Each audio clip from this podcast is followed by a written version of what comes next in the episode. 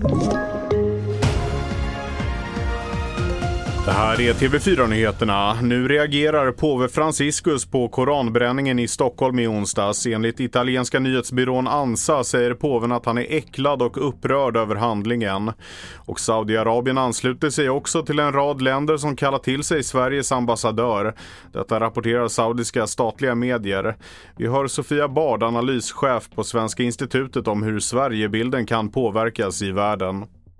Det här kan påverka bilden av Sverige som ett land där, där man behandlar befolkningen jämlikt. Ehm, det har vi sett redan nu men det kan också få andra konsekvenser. Både diplomatiska förbindelser har vi sett att man uppmanar till att stoppa.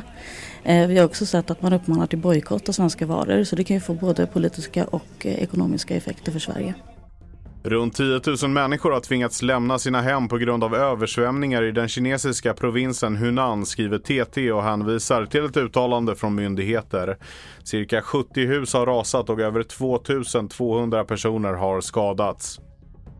Orkneyöarna norr om Skottland och idag en del av Storbritannien skulle kunna återgå till att tillhöra Norge. Det här är enligt en motion som lämnats in till det regionala styret på ögruppen som var en del av Norge och Danmark under 600 år.